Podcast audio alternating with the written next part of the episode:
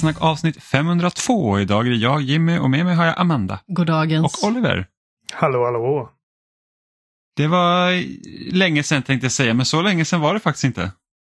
Det känns som att det var jättelänge sedan. Ja, du har inte varit med på en vecka, så att för dig är det jättelänge sedan. Vi hade praktiskt taget glömt bort att du var med. Mm, ursäkta. Det var en vecka sedan. För, för dig och mig i alla fall. Ja. Mm. Ja, men sen så kändes det ju inte riktigt som att det var precis som vanligt i och med att vi spelade in live och dessutom i samma soffa och inte under samma omständigheter. Liksom. Och så, på en lördag. Precis. Ja, just det. Så det är jättelänge sedan. Jag ser inte så glad ut för det. ja, men. Får ju ha lite inlevelse. Något som hände den här veckan var ju förresten att eh, Microsoft har äntligen kunnat låsa fast köpet av Activision. Ja, det, ändå. hur lång tid har det gått sedan det liksom började snackas om att, är det typ? Typ är typ 20, två- 20 månader sedan, så det är nästan två år Ja, sedan. Jag tror det var januari 2022 som de utannonserade att de tänkte köpa Activision. Jag trodde Det nog att det skulle ta ännu längre till, tid till och med. Ja, Jag vet att när de utannonserade så sa de att de räknar liksom med att det kommer ta ett år innan liksom köpet har gått i lås. Eh, det är förutsatt att allt liksom gick vägen hela tiden. Vilket inte gjorde. Nu är det ju så att om jag inte har, missminner mig helt så är det Ubisoft som kommer liksom sköta all form av typ cloud service-grejer åt Activision-spelen. Så att det är liksom, eller det var någon konstig grej i alla fall, typ att Ubisoft i alla fall ska typ fixa med Call of Duty och grejer. Bara för att de inte skulle Ja. ledsna. Historiens minst spännande uppköp. Bara Ja, alltså- sett till liksom vad det är, okej, vad Microsoft har nu då.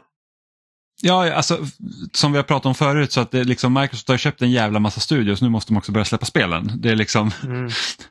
lägg, lägg pengarna så att ni faktiskt får ut spelen också med tanke på att liksom, alltså Halo har problem, eh, Coalition hade ju något problem också, de utvecklade något spel som inte var Gears som de har behövt lägga ner. Och det är lite sådana grejer. Eh, Vad har hänt med Hellblade? Ja, men precis. Ja. Att det, det är ju liksom jättemånga studior som inte har släppt spel än. Så förhoppningsvis så kanske det börjar bli lite mera... Eh, Alltså, lite Activision mer spel. är det, det är ett enormt uppköp. Men det är Ja, också verkligen. liksom, sett till hur en- enormt det är det, det är liksom oproportionerligt osexigt. Med tanke på hur stort det är. För att det är egentligen, vad är det? det är Call of Duty som är liksom den stora grejen. Ja, och, och King då för mobilmarknaden. Ja, ja, ja. På tal om sexiga grejer. Um, och, och så sen är det ju... Crush och... Ja, och sen är det ju... Ja, hela Blizzard. Ja, jo, Blizzard är ju också... Ja, men bara, bara liksom, rent personligen så, så Blizzard-grejer har liksom aldrig, alltså strategi och eh, och eh, så här, MMO, så här, World of Warcraft, alla det, det, det är helt ointressant för mig. Men jo, jo. också så är det att Blizzard är ju liksom också inte i liksom bästa skicket ehm, idag. Och liksom, jag, menar, jag, jag gillar Overwatch, men Overwatch är också ganska osexigt idag med liksom hur tvåan har, har utvecklats. Ehm, och jag menar alltså nu, nu sitter de liksom, det, det är ju lite weird att Xbox nu sitter på varumärkena för Spyro och Crash, som jag förmodar kommer sitta och samla damm som Banjo Kazooie har gjort i eh, 3000 år. Um, men som sagt, alltså, för mig, eh, ända från början så har detta helt och hållet varit okej, det hade varit nice att ha Call of Duty på Game Pass varje år, men, men det kommer inte hända på ett tag. Ehm, Nej, det, det man har sagt är väl det att de börjar väl förbereda liksom för att kunna släppa Activision-spel på Game Pass. Jag antar att gamla titlar, alltså Call of Duty-titlar kommer att hamna där med start Mm. typ nästa år eller någonting sånt. Jag, jag har ju varit lite sugen på att spela Black Ops-spelen. Jag har ju bara spelat fyran. Eh, Ja, det enda utan kampanj. Ja, exakt. Så du kan ju hoppa på- över trean, kan jag säga, direkt. Ja, jag var på release-party för Black Ops 4. Ja, just det. Och det var, så ska man liksom få testa spelet och sånt. Och det var liksom så här, det var nog ingen som var där som var jätteintresserade av själva spelet. Mm. Det är rätt det- kul multiplayer, men... eh, och som sagt, jag, jag generellt så, så, brukar jag spela Call of Duty varje år. Det är liksom det spelet som jag spelar två veckor om året. Och sen så liksom lägger jag undan det och tänker inte på det igen. Uh, jag tror att det enda... Ja, det är nog bara Vanguard som jag inte spelat. Um, Ska du spela Modern Warfare 3? Jag vet inte. Eh, eftersom att, eftersom att den här dealen nu gått igenom då så tänker jag liksom alltså skulle man nästan kunna vänta till 2025 eller vad fan det är. Och du, spela du, då. Du är, inte, du är inte sugen på att betala 949 kronor för att spela Call of Duty? Nej, det är ju det. Alltså de är ju svindyra de här spelen. Och medan jag fortfarande liksom finner i alla fall lite liksom enjoyment i de här kampanjerna efter alla dessa år så är det ju liksom, alltså det är inte alls samma sak som, som det var så här 2007, 2009. Um, när det kändes fräscht och spännande liksom.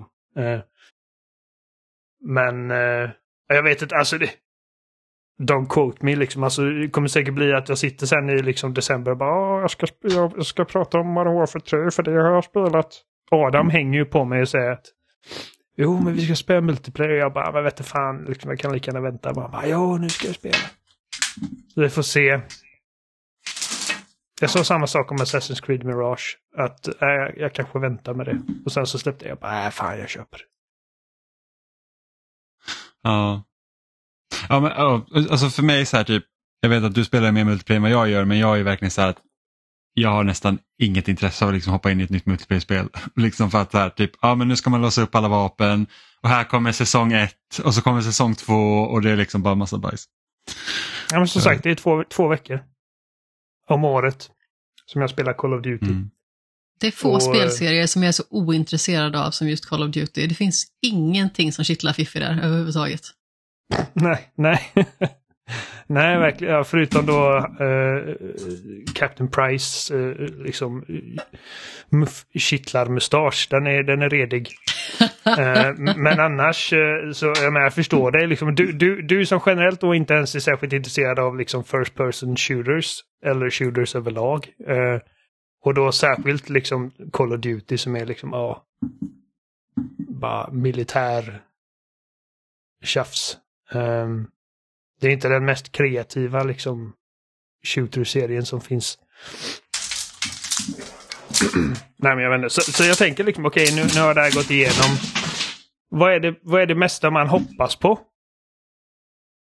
Eh, Med Microsoft hjärta Activision. Alltså det här, alltså det som jag känner att liksom jag hade hoppats på det är att de liksom tar gamla serier som de liksom inte har rört och sen ja, kanske vilka? försöker blåsa upp liv i dem. Eh, ja, men jag vet, det snackades ju på det här, de hade ju någon sån här gathering typ. Eh, där de pratade om uppköpet och där liksom det hintades typ om att det kanske kan vara så att ett nytt Guitar Hero är i görningen och jag var så här bara, se till att göra en gitarr som funkar med Rockband 4 och jag köper det. mm. jag, jag gillar ju Guitar Hero. Um, så, så visst, jag menar, varför inte? Men jag kommer inte på något liksom på rak arm så. Liksom så här, jag känner så att det där vill jag ha nu. Eh, jag hade ju jag hade ju jättegärna spelat en konsolversion av World of Warcraft.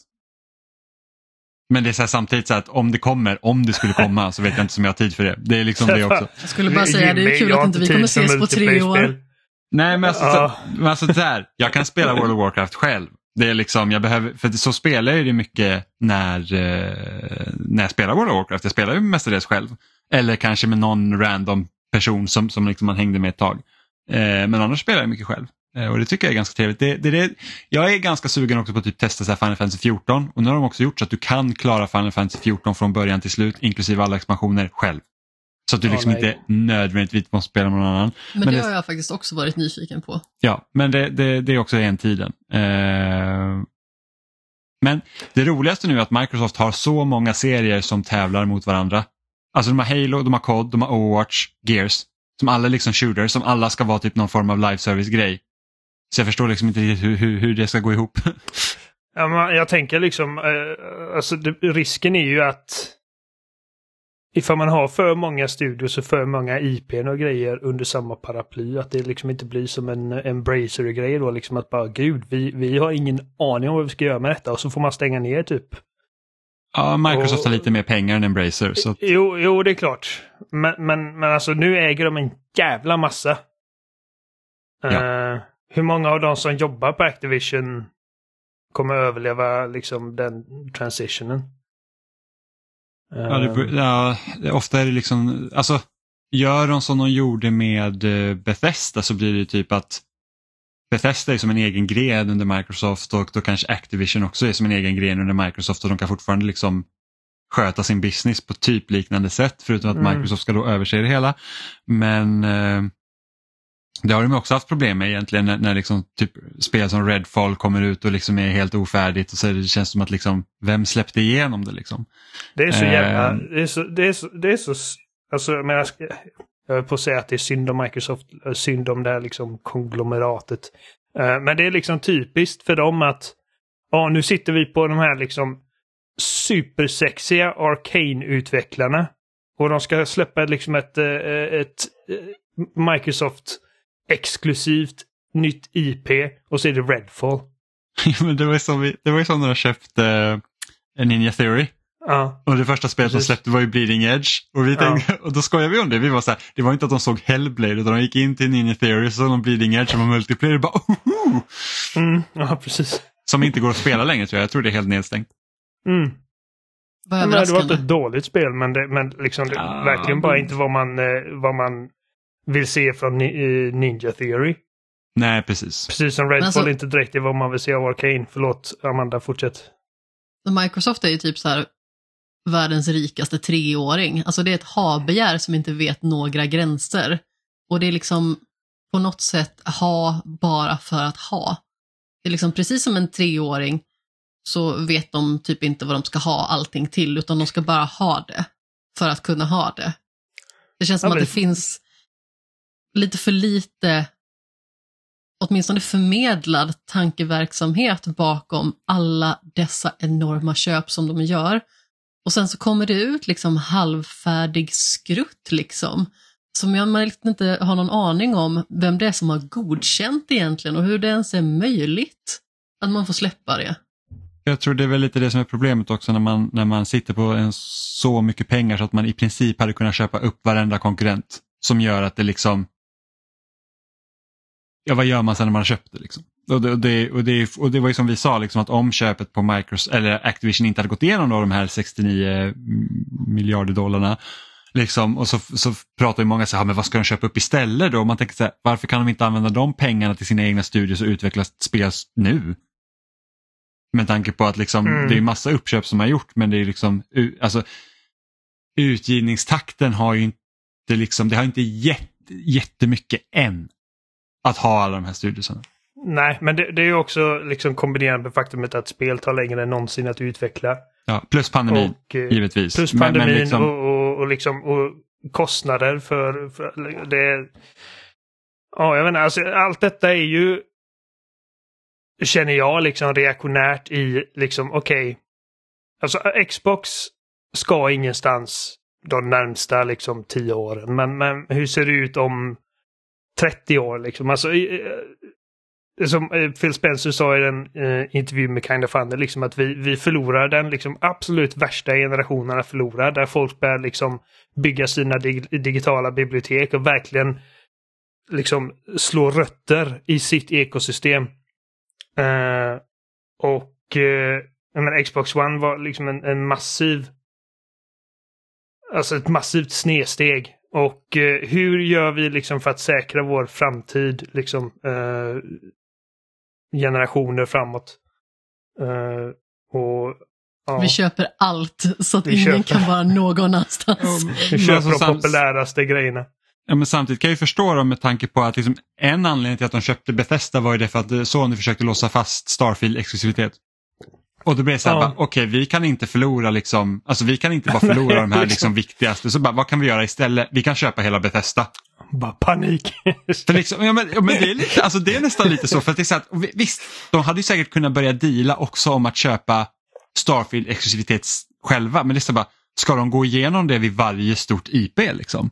Mm. Att nu, nu är det liksom bidding war om vart den här ska hamna. Det är Okej, men vi köper hela studion. Vi har liksom en bra relation med Bethesda sedan innan. Liksom. Eh, så jag förstår ju det också, men det är bara det att det lustigaste är att Sony under PS4-generationen körde ju exakt samma liksom playbook som Microsoft gjorde under 360. Mm. För Microsoft gjorde så, de låste ju fast Mass Effect, de låste fast Bioshock, liksom, de lyckades hova till sig Final Fantasy eh, och massa sådana titlar som tidigare varit exklusiva. Och sen GTA så bara, 4-expansionerna. Och... Exakt, och sen så bara, åh, Wii var poppis. Vi gör en kamera som ingen vet vad de ska använda den till. Mm.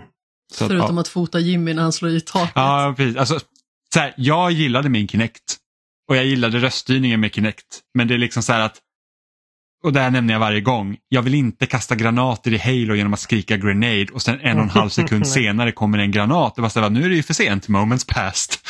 liksom, den här granaten borde ha, den här granaten borde ha smält och den där eliten borde ha varit död för länge sedan. så att ja, det, det, det är inte lätt. Uh, men vi får se helt enkelt. Det, vi får se vad som händer. Det, ja, det, jag är det väldigt nyfiken på hur det ser ut. Liksom på Xbox om 15 år. Liksom, alltså hur, hur hälsosam ser det ekosystemet ut? Uh, ja, eller alltså, eller det, det biblioteket snarare. Liksom. Jag kan säkert tänka mig att vi tog den här frågeställningen för tio år sedan redan och sa jag undrar hur Xbox kommer se ut om tio år och vi har exakt samma problem som vi hade för tio år sedan. Det ja, är lite bisarrt. För tio år kom Xbox One. Ja, jag vet. Men det är liksom helt, för att, för att det, men det började ju innan Xbox One. Det var ju det, mot slutet av 360 så var det ju verkligen så här att vad är det som händer? Mm.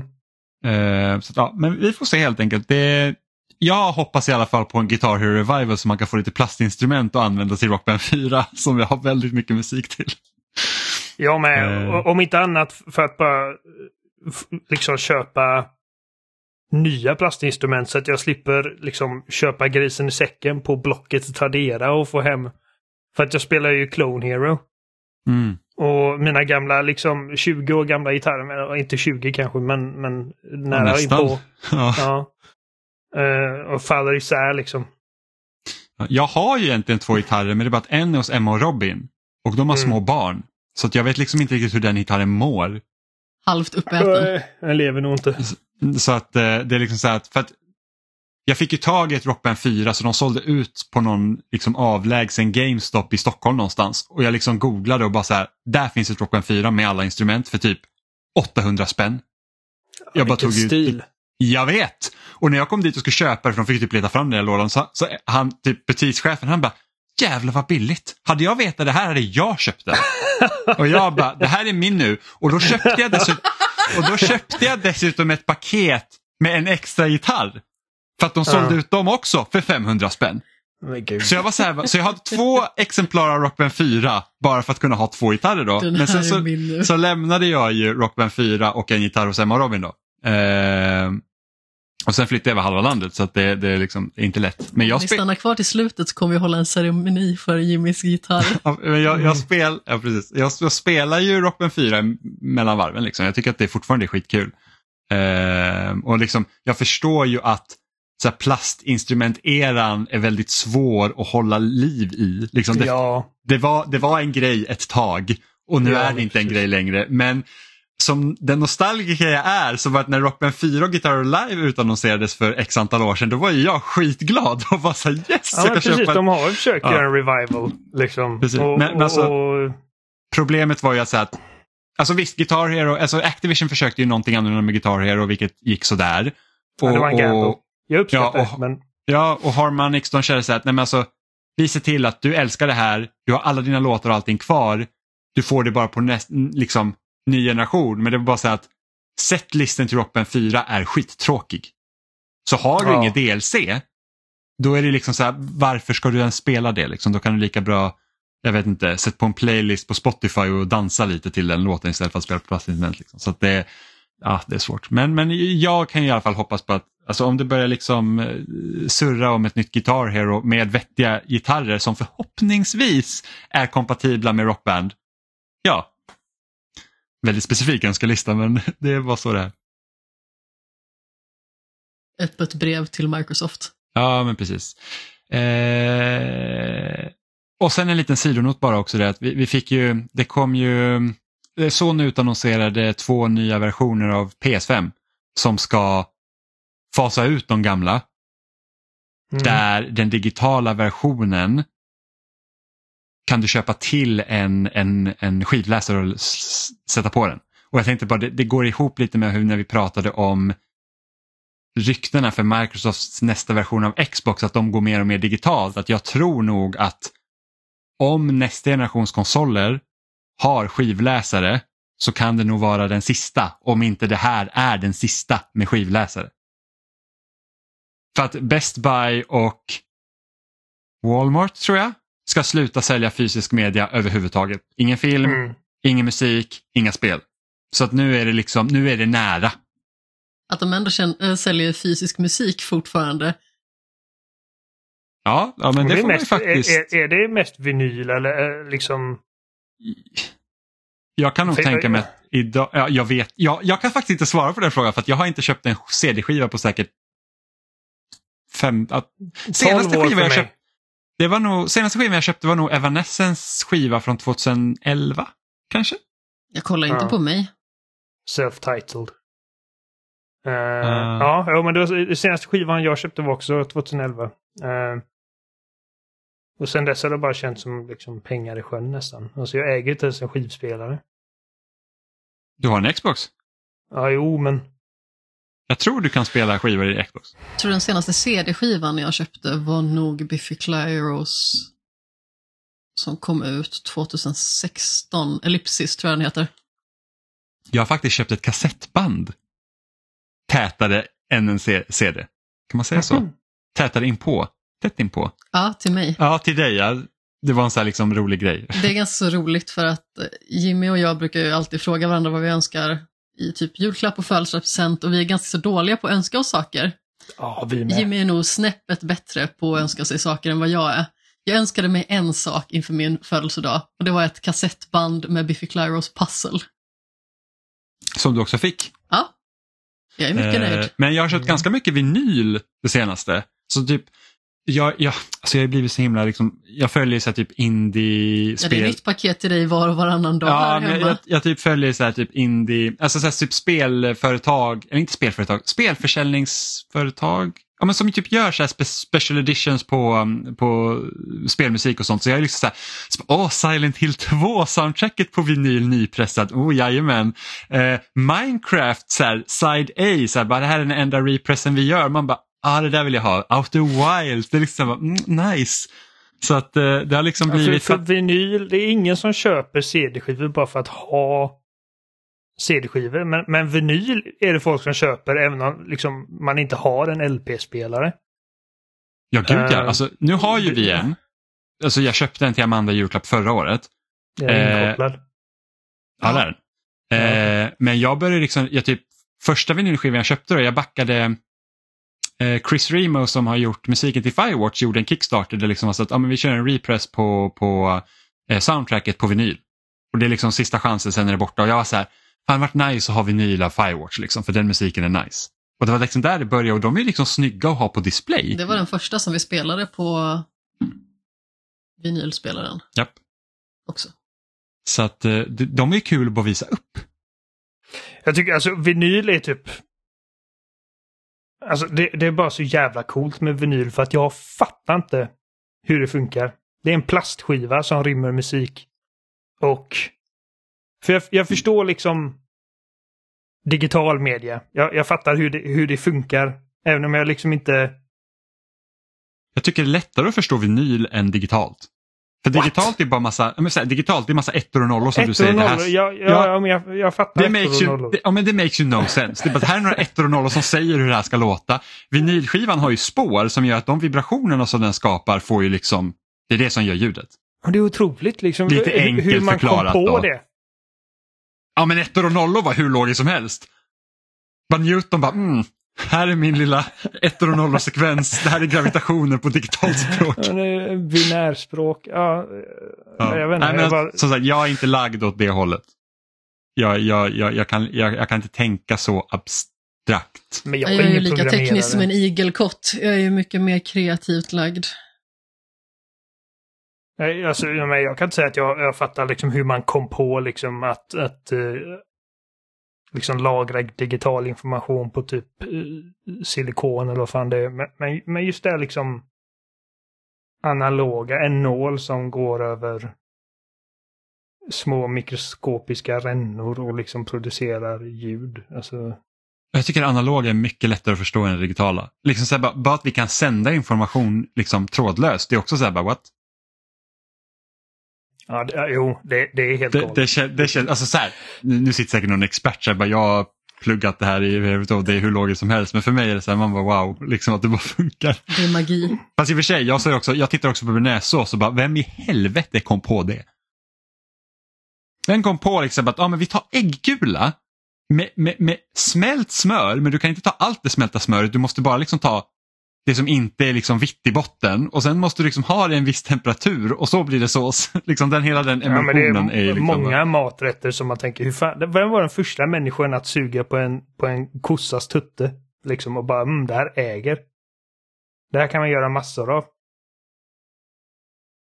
Ja, ja, fast jag känner ändå det är ändå mer logiskt för det är så här att hur föder man bebisar och Ja, där är ett djur precis. med mjölk och sen så men då Jo, kan man ändå liksom, säga så här, vart hur gör vi smör, från åh, människomjölk, fan vad nasty, till kossmjölk? jag gillar Jag kan säga att det finns en viss del av befolkningen som inte tycker att människomjölk är nasty. Ja, bebisar. Precis, ja det finns nog Det finns nog vuxna Andra. människor som tycker att det är eh, nice. Ja, okej, ja, men då håller de det var det jag hemligt. tänkte på. Det var den främsta målgruppen. liksom, bara, mm, min favoritmjölk är, är människobröstmjölk. Liksom. Ja, Bara, nu är oh. frugan gravid igen, nu är det fest. Mm. Ja, men inte ens, inte ens bara satan. fru. Ja, min, min, min svägerska eller min moster har en ny batch. Med, Gud, men alltså du behöver inte bli helt liksom, ja, nu men blir liksom, incestuös. Kan vi börja till- byta ämne? ja, men det är ju inte sexuellt så det är inte, det är inte incestuöst. Det är liksom... Nej men alltså det, Du, hade måste att käkat en ganska... äppelka- äppelpaj av din, av din Jo, moster. jo, jag har käkat min mosters äppelpaj men jag har knappast liksom käkat eller druckit min mosters bröstmjölk. Nej, precis. Och någonstans i vår liksom, historia så blev det normalt. Man har sett kossans spenar, de är fan, de är fan sketna alltså. Och, Ja, eh, men jag antar att det inte är någon som liksom har gått till, till liksom kossans liksom djur och bara så, om, om. eller typ, Alltså det Eller finns nog folk till det också. Ja, ja, någon har ju säkert gjort det men jag kan ju knappast tänka mig så här att hmm, jag undrar om vi kan dricka komjölk och sen gått dit och bara sugrör liksom. ja, men, vet, eller typ smör. Man har typ haft en hink med smör så har man stått och trampat i det i typ två dagar och bara det här ska jag smaka på. Oh, Men det är så man fortfarande gör vin ju, man stampar ju på druvorna. eh, jag vet. Och, eh, och typ vissa ostar som, som ska vara larver i. Ja, men så här är det också. Någon har glömt fram någonting för länge och sen tänkt så här bara, man ska inte gråta för spilld mjölk. Nej, Vad vi smakar och ser. Var, typ, var inte i typ antikens Grekland, var inte det man typ lämnade fram maten och faktiskt lät den bli dålig för att den smakade mer? Jag bara ska se vad som händer. Och så får vi hoppas att man inte dör av detta. Det var nog folk, många folk som dog på grund av det. det är typ cornflakes. Bara, vi ska rosta detta. Eller... Ja, eh, det, det är inte som att rosten inte fanns innan cornflakes. Alltså man har säkert rostat andra grejer innan dess. jo, Cornflakes är väl inte så gammalt. Det är bara, ja, det här fisken håller mycket bättre om vi täcker den med Det har väl salt. säkert passerat hundra år i alla fall. Ja men det är ändå en konserveringsmetod. Alltså då är det ändå liksom som lutfisken, den grävdes ju ner. Mm. Ja, Ja, nej, det ja det är sjukt. Men eh, är vi ska inte prata Ja, vi ska inte prata om mer mat egentligen för vi har ju faktiskt spelat en massa spel också. Vänta nu lite, det här är viktigt. Viktigt meddelande till allmänheten. Majsflingor, även kallade cornflakes, är flingor gjorda av majs som val, valsats, eller säga, vallsats och rostats. Vad är valsats? Fråga mig inte. Veteflingor uppfanns av en slump den 8 augusti 1894 av bröderna Kellogg. Senare Ah. prövade de med andra sädesslag, bland annat majs. Jimmy sädeslag. Ja, hallå. Eh, Det var den här valsatsen som jag höll på att läsa innan.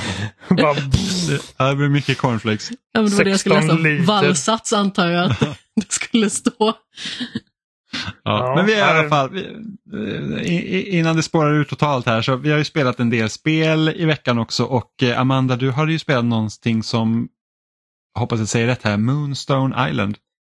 Ja, det har jag faktiskt gjort. Det var ganska så länge sedan jag påbörjade det projektet, men dels så har vi inte riktigt haft tid att prata om det. Och dels så har det ju... Någon har inte varit här. Det var det jag skulle komma till. Dels har det ju varit livepodd plus att jag inte har varit med, så det här var ju någonting som jag faktiskt började spela i september, typ en månad sedan, för att vara ganska så exakt. Och om man skulle råka vara intresserad av exempelvis Stardew Valley och Pokémon så skulle man kunna säga att Moonstone Island lite grann är ett hopkok av de två spelen, eller åtminstone genrer som de spelen tillhör. Man spelar egentligen en ung alkemist som är i mångt och mycket i startgroparna för att lära sig att stå på egna ben. Och sen så är tiden inne för att man ska lämna tryggheten hos sina föräldrar och ge sig ut på äventyr i ett år för att bli en fullfjädrad alkemist. Så då får man liksom en inledning där man får lära sig de här viktigaste grunderna. Det vill säga att man ska så olika saker och skörda. Men man får också lära sig om olika väsen som man kan tämja. Och då får man i sann Pokémon-stil som hos Professor Oak med eh, Squirtle, Bulbasaur och Charmander välja ett väsen som man liksom har med sig från början. Och då valde jag ett form av dinosaurieliknande djur som eh, följer efter mig hela tiden. Ungefär som Pikachu gjorde i eh, Pokémon Gul. Och när man fångar fler väsen, man kan ha tre stycken samtidigt med sig, vill jag minnas, så kan de liksom gå efter en också allihop. Man kan också välja att de inte ska följa en. Men hur som haver, så man tar sin kvast, flyger iväg och eh, så blir det storm. Och man verkar inte riktigt ha lärt sig hur man ska landa på bästa möjliga sätt. Så man kraschlandar ner på en ö, det är mörkt, det är svårt att hitta sina redskap och sen så däckar man på marken. För att det är i mångt och mycket samma sekvens som i Stardew Valley, det vill säga att du vaknar en viss tid generellt sett och sen så kan du bara vara vaken till klockan två på natten, annars så svimmar du. Sen så blir man upphittad och omhändertagen och sen så börjar ens nya liv på Moonstone Island. Och runt Moonstone Island så finns det många olika öar som flyter omkring i luften. Så man har liksom olika sätt att ta sig över till de här andra öarna som man börjar utforska då helt sonika. Eh, man börjar liksom skapa sig sitt eget krypin. Moonstone Island är liksom ett säte också för eh, ett helt samhälle egentligen med en ganska så liten skara människor så att det blir liksom inte överväldigande i att lära känna alla utan det känns ändå som att man får grepp om folket som bor där ganska så fort. Och likt Stardew Valley kan man naturligtvis bli vän med de här karaktärerna, prata med dem, bjuda ut på dejt och så vidare och liksom bekanta sig med dem så nära som möjligt. Man kan också ge dem sådana här väsen. Så efter ett tag så kan det vara så att de helt enkelt kommer till en och vill att man ska hitta något speciellt väsen på någon avlägsen ö. Och då får man helt enkelt eh, hitta det här väsenet, tämja det och sen ta tillbaka det till då dess nya ägare så att säga. Och Det som jag uppskattar med det här spelet, det är ju egentligen de momenten som är lite mer åt Stardew Valley-hållet. Jag gillar väldigt mycket att man har från början sitt lilla så här alkemisttält. Det är ens enkla boning, man börjar så saker runt omkring sig för att man ska kunna, alltså i stort sett ta sig igenom vardagen på bästa möjliga sätt. Det finns ju olika grödor som gör att man får bättre uthållighet till exempel, eh, som gör att eh, ens väsen får nytt liv, eller nya hälsopoäng liksom, under strider. För man strider liksom någorlunda i likhet med Pokémon, men man har istället en kortspelsfunktion. Så att man har liksom ett gäng kort av olika sort när man möter eh, ett annat väsen. Och sen så får man spela ut dem då med tre poäng per omgång egentligen. Och de här korten är ju värda olika mycket, så säg att ett kort är värt tre poäng. Då kan man bara spela ett kort. Men sen så är ju olika saker också olika många poäng värda. Så säg till exempel att du vill fly från en strid. Då är det värt tre poäng. Men om du inte lyckas att fly från striden, då är de tre poängen körda, helt enkelt. Så det är mycket sådana grejer också som man måste ta i beaktning. Bara, är det värt att ens försöka fly från den här striden eller är det bättre att jag försöker kämpa? Och de här komponenterna är helt okej. Okay. Jag skulle säga att det är ändå den svagaste delen i spelet just med de här Pokémon-liknande elementen för att de drar inte in mig tillräckligt mycket. Jag ser liksom inte det tydligaste syftet med varför de är med i spelet. Alltså jag förstår ju liksom att det är en del av helheten, men jag tror att jag hade blivit mer investerad i dem om det hade varit så att det var det som hela spelet kretsade kring och att man utifrån det ännu mer fick så sina grödor och brygga sina drycker och så vidare. Vad det nu kan vara som man ska göra och utforska alla de här öarna. Men jag känner liksom inte att det är någonting som jag dras till. Jag menar, när du spelar Pokémon, då är det ju det som är huvudfokuset. Du ska liksom bli den bästa Pokémon-tränaren, du ska samla alla Pokémon och du ska slå Elitfyran. Där har du liksom ett tydligt mål med dem. Men här så tycker jag att målet liksom inte är lika solitt och därför intresseras jag inte lika mycket av det. Sen så tror jag att det är kanske så att alltså Pokémon är ett så starkt varumärke till exempel. Så att man spelade när man var liten, man såg serien, man blir liksom så bekant med alla de här små filurerna och karaktärerna att man liksom tillskrev dem typ egna karaktärsdrag och här blir de så himla opersonliga på något sätt. Kan de utvecklas? Monstren alltså?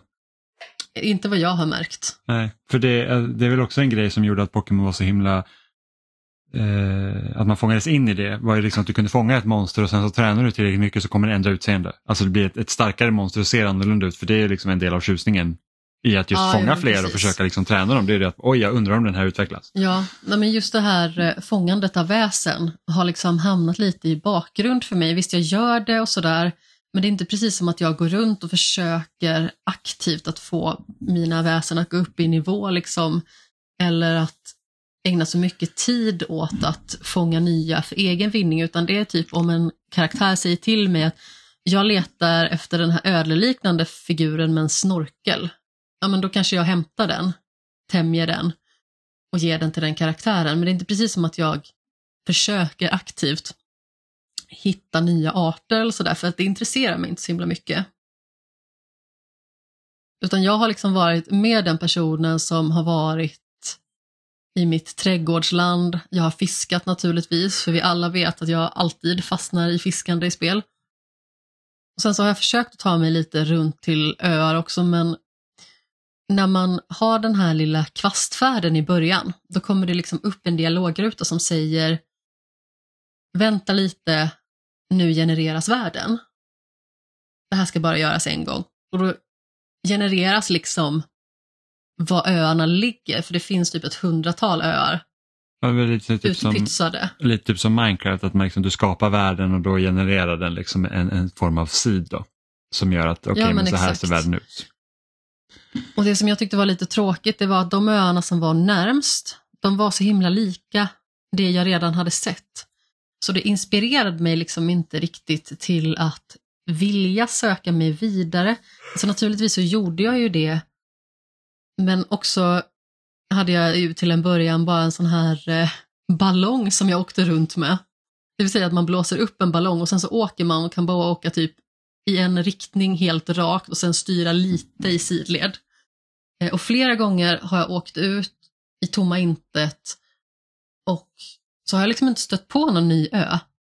Och sen så har jag fallit ner i avgrunden, vilket då genererar att när man svimmar, alltså oavsett om man svimmar i luften för att man trillar ner eller om ens uthållighet tar slut medan man står och hackar sten, mm. eller vad man nu gör, Eh, så blir det liksom en ny dag. Och det tycker jag också är lite jobbigt. Det hade varit okej om man bara förlorade några timmar men helt plötsligt så är hela den dagen förstörd och man vaknar upp och har liksom försovit sig i stort sett.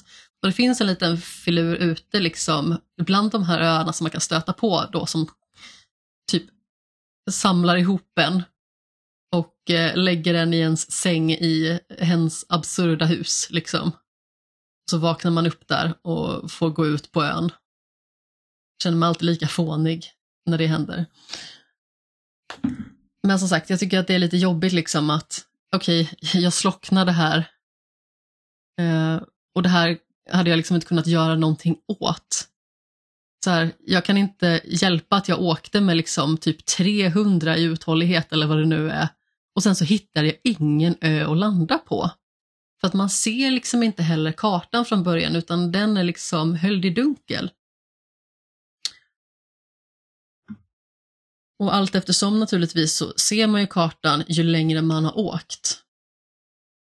Men mm. det kan vara lite frustrerande liksom att man då kan åka tills ens uthållighet tar slut och så bara faller man liksom rakt ner i backen. Ja. Va, vilken plattform finns spelet på? PC. PC. Det ska komma till Switch också, vet inte riktigt när. Okay. Uh, men alltså det har varit en väldigt mysig upplevelse, så nu låter det som att jag är lite klagig, men precis som jag skrev i min recension också, att det är en Indostudio som heter Studio Supersoft som har liksom haft en väldigt hög ambitionsnivå när de har skapat det här spelet. Det är liksom Pokémon-influenser, det är Stardew Valley-influenser, det är Zelda-influenser, liksom när man stöter på tempel och dylikt. Och de har liksom satsat på att göra allt och jag tror att det hade varit bättre för spelet som helhet om de hade kanske valt lite mindre att fokusera på och försökt att perfektera det. För jag tycker att de olika saker som de har gjort bra har de gjort riktigt bra. Det vill säga att de här livssimulatorfaktorerna verkligen sitter på plats. De tycker jag är otroligt bra. Och det är de i spelet som verkligen är så framkallande, alltså beroendeframkallande. Men det känns liksom som att de ville ha lite för mycket i spelet.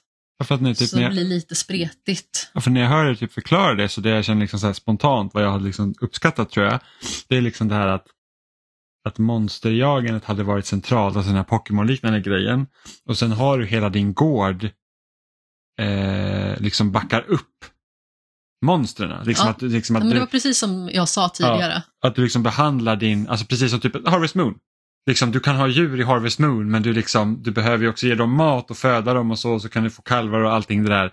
Men det liksom kan man ju att... göra här också. Man har ju liksom ett form av stall eller vad man ska säga där man kan ha sina väsen om man liksom inte vill ha med dem ut på färd.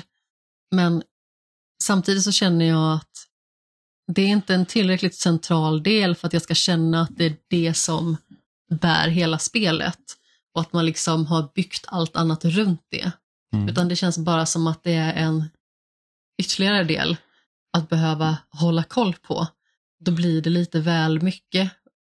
Ja, för det jag tänker på det är typ det här, eh, jag tror att det kan vara ett avsnitt när Brock precis typ har introducerats i, i animen. Då. Är det när han uh, har den här Pokémon-maten? Exakt, som han har gjort själv till sina Pokémon. Han har liksom specialanpassat det för vilken typ av monster som han ger det till och det är liksom typ på den nivån. Jag gillar det jättemycket. Jag med! Jag alltid, och det är typ alltid jag tänkt så här, typ att hur skulle Pokémon kunna se ut i framtiden? Så ah, men man ska kunna utveckla det här så jag kan ge dem egen mat och liksom så specialanpassa. Jag var ju så, här, så peppad på eh, Pokémon-spelen till DS för att man kunde klappa sina Pokémon på touchskärmen. så att, eh, ja.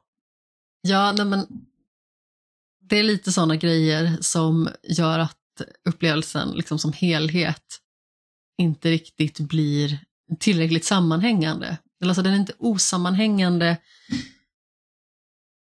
Men samtidigt så känns det som att det kanske hade kunnat vara lite mer fokuserat på lite färre saker.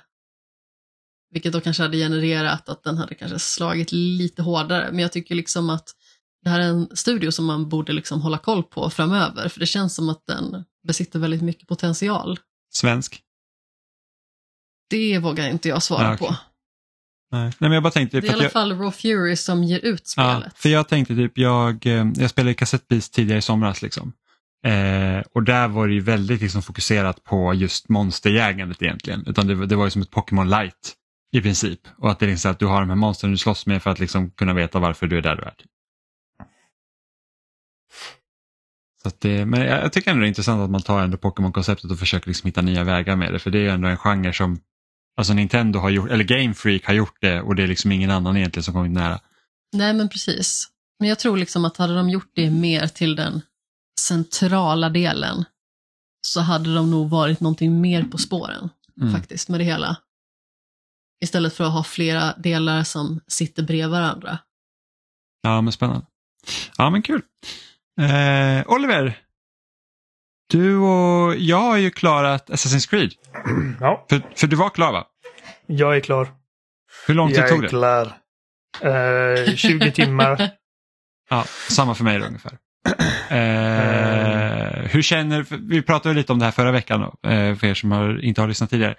Eh, men vad, hur känner du nu liksom när du är klar med spelet? För Du, för förra veckan var det ju rätt så liksom så här att det känns som ett väldigt säkert Assassin's Creed i den form av att du typ har transporterats tillbaka till 2013. Ja, Så hur- hur- fast, hur- ja, Hur, hur känner du nu? Ja, simplifierat, ja precis. Eh, Men hur känner du liksom nu när du är klar med det? jag känner att det är inte liksom... Det är inte det sämsta spelet i serien. Eh, jag tycker nog fan Valhalla är sämsta, så det spelet är... Uh. Ja, alltså Eh, man, man, kan väl säga, man kan väl säga så här att efter 20 timmar med Assassin's Creed Mirage så känner jag att gameplayet väger inte upp för 20 timmar. nej, Alltså så inte. som de har lagt upp det för att, för att storyn bär inte upp det. Och då tänker jag så här bara att visst Valhalla har ju fler system i att levla upp och hitta gear och sånt. Men striderna är inte så mycket mer spännande. Och det är ett spel som spänner över 120 timmar. Det Ja. spelet håller inte för så länge. Nej. Nej, verkligen inte. Och, och jag kände att det här spelet höll inte i 20 timmar. Eh, Nej. Efter så här 15 kände jag okej, nu, har jag, nu har jag, jag, jag har verkligen sett allt det här spelet har att erbjuda. För medan Afghanistan, vi pratar om det, eller vill säga Bagdad, I- i, Bagdad, Afghanistan, inte en stad. Irak. Ehm, eh, Irak, ja precis. Uh, Bagdad är liksom en, vackert modellerad och realiserad värld. Men, men jag känner liksom att varje, med väldigt få undantag så känns det verkligen som att varje del av den staden är liksom likadan som resten av liksom, alltså, Jag har ingen liksom känsla av vart jag befinner mig i den här staden. Jag får ingen relation till världen. Ehm, och... Det, eh, det, det tror jag beror mycket på berättelsen. Ja, ja, och, och, och som sagt, det liksom, det finns, finns en gräns på hur, liksom, hur mycket man kan liksom level design-ifiera en historisk stad. Och förra veckan satt jag här och pratade om att liksom eh, en, en stor, liksom, ett stort dragplåster för mig till den här serien är liksom att få besöka de här liksom historiskt viktiga eh, platserna. Um, så jag, jag, jag liksom i nästan varje eh, spel i den här serien så har jag liksom plockat upp små grejer som jag liksom fått lära mig om de här om den här tiden i historien och de här platserna.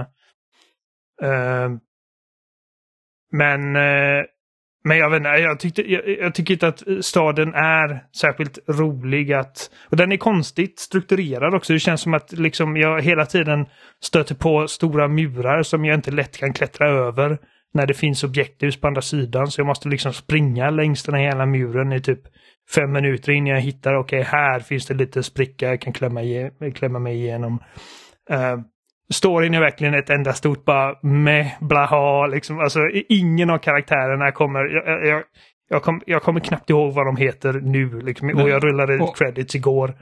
Ja, och enda gången som Bassin blir intressant det är liksom absolut i slutet. Absolut sista Man tre bara, minuterna. Oj, här, här fick du helt plötsligt någon form av motivation och liksom man, man hittar den här konflikten inom dig som då ska då ha präglat hela spelet, vilket det inte gör. Ja, Eh, den konflikten borde liksom ha varit det startskottet. Liksom, Ja, för det var helt plötsligt, he, helt plötsligt blev det typ så här, bara, ah, men de här kan berätta sanningen om för mig och varför jag känner som jag gör. Man bara, vad var de här tankarna förut? Du har Mm. liksom inte ens uttryckt att det här är ett problem för dig. liksom. Så att, att, Och jag såg den här twisten komma liksom ganska tidigt. Och jag, vet, jag tror att som sagt det är inte liksom my least favorite Assassin's Creed-spel. För att det, det är verkligen Valhalla. Jag känner liksom att det, jag blir så lite nästan så här illamående bara jag tänker på det spelet. Men, men, eh, men det är definitivt det, liksom det mest förglömliga, liksom forgettable serien i hela... Alltså det, det saknar en egen identitet. Det saknar ambition, saknar innovation.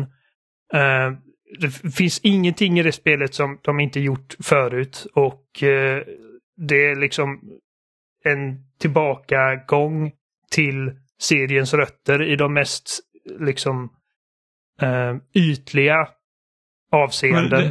Det, det kunde nästan liksom ha varit typ en remaster av ettan. Alltså inte en remake, en hade, remaster av ettan. Jag hade hellre tagit en remaster av ettan och ännu hellre då liksom en remake av ettan som faktiskt infriar liksom det spelets potential. För jag tycker fortfarande att ettan är fortfarande seriens mest intressanta koncept. Um, hela, hela den här grejen liksom med, för, för att då, det var på den tiden också som, som den här liksom sci-fi eh, inramningen kändes jättespännande och fräsch.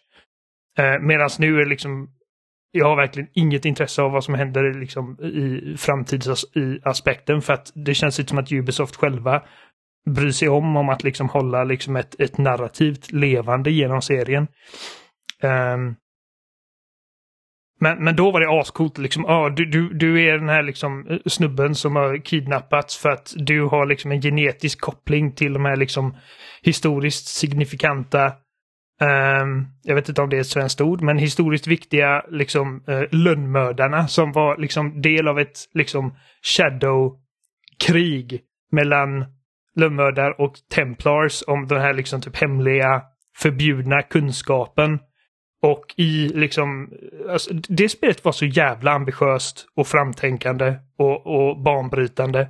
Mm. Det, det, är lätt att glömma det idag när, när liksom vi har, vi har 300 sådana här spel. Um, ja, men jag tänker även liksom två, för att, för att, det var en grej jag saknade väldigt mycket i det här spelet också, det är liksom det själva mysteriet. För att något som var jättehäftigt med Assassin's Creed 2 och jag antar liksom att de tog väldigt mycket så stor inspiration från typ Da Vinci-koden och den här grejen hur man liksom ska använda historiska artefakter till att mm. liksom bygga en konspiration kring. För det var ju verkligen att du kunde hitta konstverk där du hittade liksom eh, kopplingar till det här äpplet då, det här liksom Sinio-objektet liksom. Och att liksom ja, men liksom helt, mänsklighetens förfäder i princip. Ja, och du bara undanröjde hela den här liksom så här att det här är någonting som man genom historien kan hitta spår efter. Så att liksom typ Mona Lisa som du liksom har sett i skolböcker och, och liksom hört talas om hela ditt liv visar sig att det här är typ en viktig grej. Nu vet inte jag om Mona Lisa, jag tror inte Mona Lisa var viktig här men liksom ett exempel.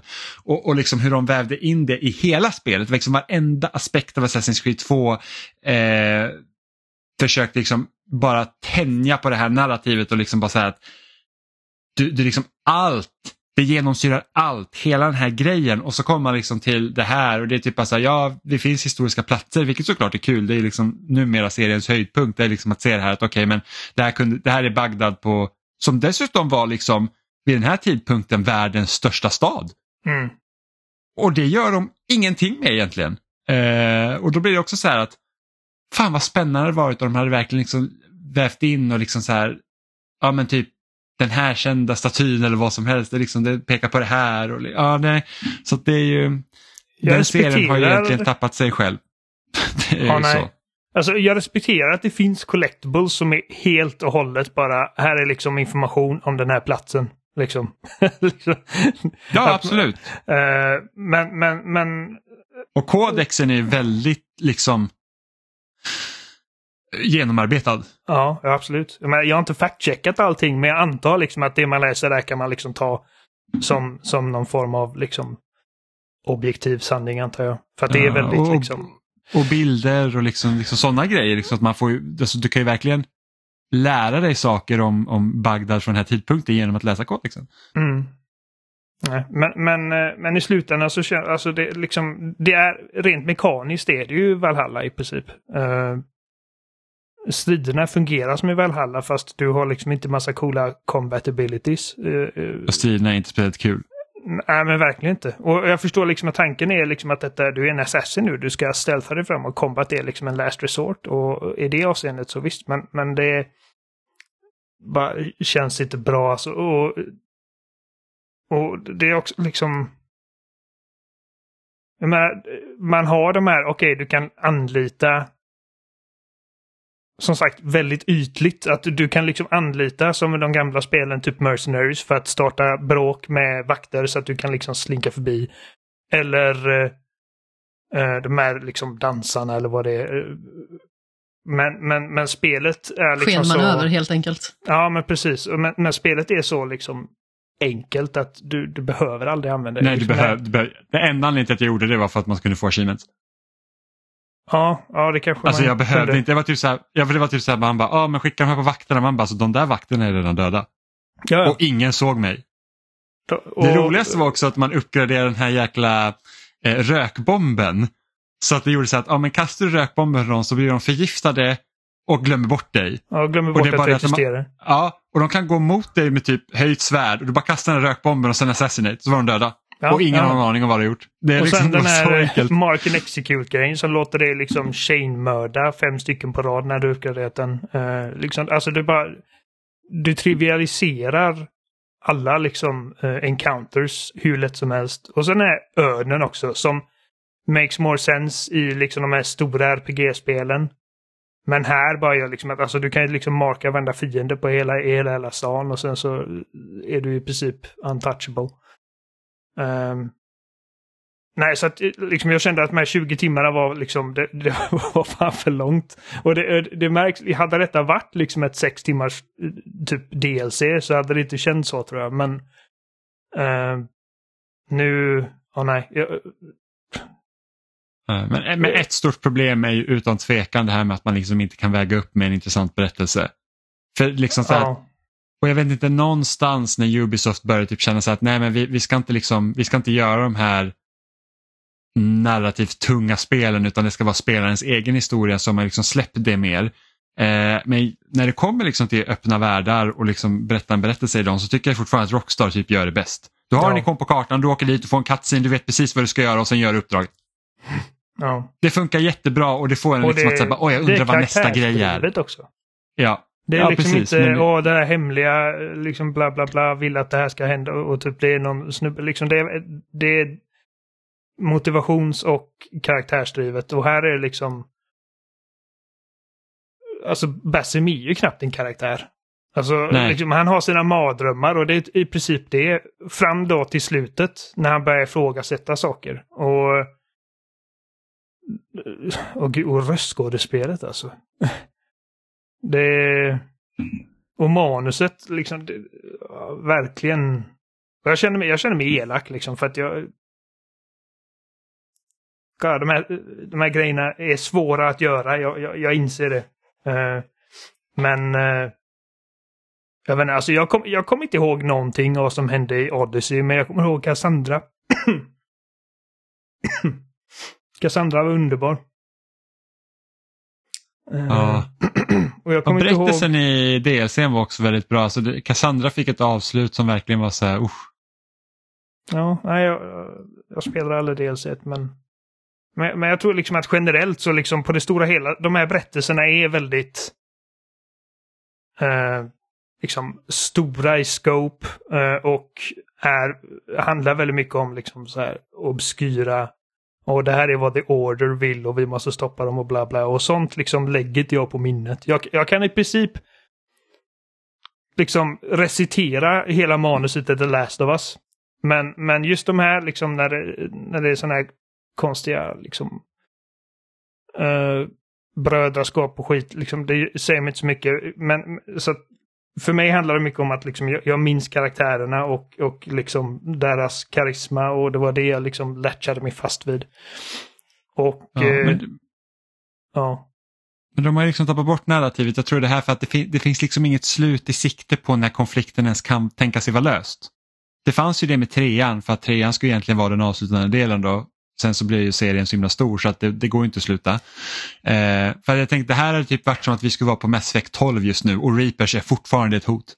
Ja, precis. Det är liksom att vi har fortfarande inte lyckats, liksom Reapers är på väg. Det, det, eller det är typ som att, ja, eller det är typ som Game of Thrones, så att fortfarande i sista säsongen så bara, men, så här, sista avsnittet, Winter is still coming och man bara, mm, Mm. det borde ha varit här nu liksom. Så att det, ja, det, nej. Däremot har det här, det här spelet av att spela det har fått mig att inse liksom att den här serien var fan jävligt cool en gång i tiden. Vilket jag inte tänkt på på väldigt länge. Um, eftersom att det har liksom varit en sån iterativ serie. Där det kommer ett spel varje år. Och liksom det är inte jättestora skillnader mellan dem år till år. Men liksom jag har liksom tagit mig en titt tillbaka på seriens historia och sett hur långt de har kommit. Och jag startade upp Black Flag igen. Vilket, men jag har inte spelat det sedan 2013. Eller ja, 2014. Uh, det tog mig ett tag att klara det. Och uh, det, det, är, det är ett kul spel fortfarande. Även om liksom min första reaktion är bara ah my eyes. Liksom. Xbox One-versionen. Uh, och, men, men liksom bara där, liksom karaktärerna känns mer levande och, och, och liksom de, de, de har sin egen stil och grej och, och, och Black Flag är liksom, alltså det, det är inte ett perfekt spel på, eh, på något sätt. Alltså liksom, eh, eh, jag tror vi alla kommer ihåg hur många uppdrag det var liksom, som bara var liksom att typ förfölja någon liksom i 12 minuter. Och... Ja, och de är precis likadana i Mirage. Det är du går efter den här gubben, den stannar den mitt i gatan och vänder sig om och ser dum ja, ut. Precis, och sen går den vidare. Efter. Ja, exakt. I Mirage är det lyckligtvis inte så många av de uppdragen. I, I, Black Flag så är det typ varannat uppdrag är att du ska förfölja någon och sen så är det bara ja, ah, nu måste du förfölja någon på skeppet. liksom. ja. så, så de liksom få timmar jag har spelat så jag har fått Jag tänker mig att det är lite som när någon ska bli förföljd i Scooby-Doo liksom och så vänder de sig om och sen så är det ingen där och sen så står typ Scooby och Shaggy i varsin rustning. Ja, precis. Ja, det är lite så. Scoobys liksom nos sticker ut ur hjälmen.